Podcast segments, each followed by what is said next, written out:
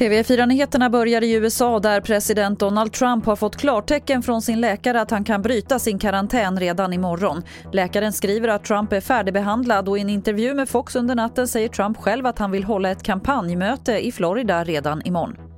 Folkhälsomyndigheten vill skärpa kraven mot butiker och för att hindra lokala utbrott av covid-smitta kan det till exempel bli aktuellt med att avråda från att handla i köpcentrum. Det säger myndighetens generaldirektör Johan Karlsson till SVT. Han avråder också från stora släktkalas i jul och beskriver läget som bekymmersamt.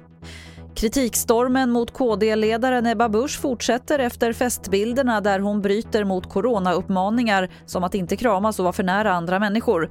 Krishanteringsexperter menar att hon kan ha gjort situationen ännu värre genom att inte ställa upp på intervjuer utan bara kommenterat skriftligt.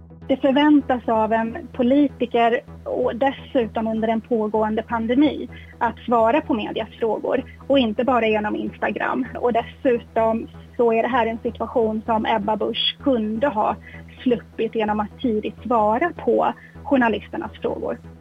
Det sa Jeanette Fors André som är krishanteringsexpert. Och det var det senaste från TV4 Nyheterna. Jag heter Lotta Wall.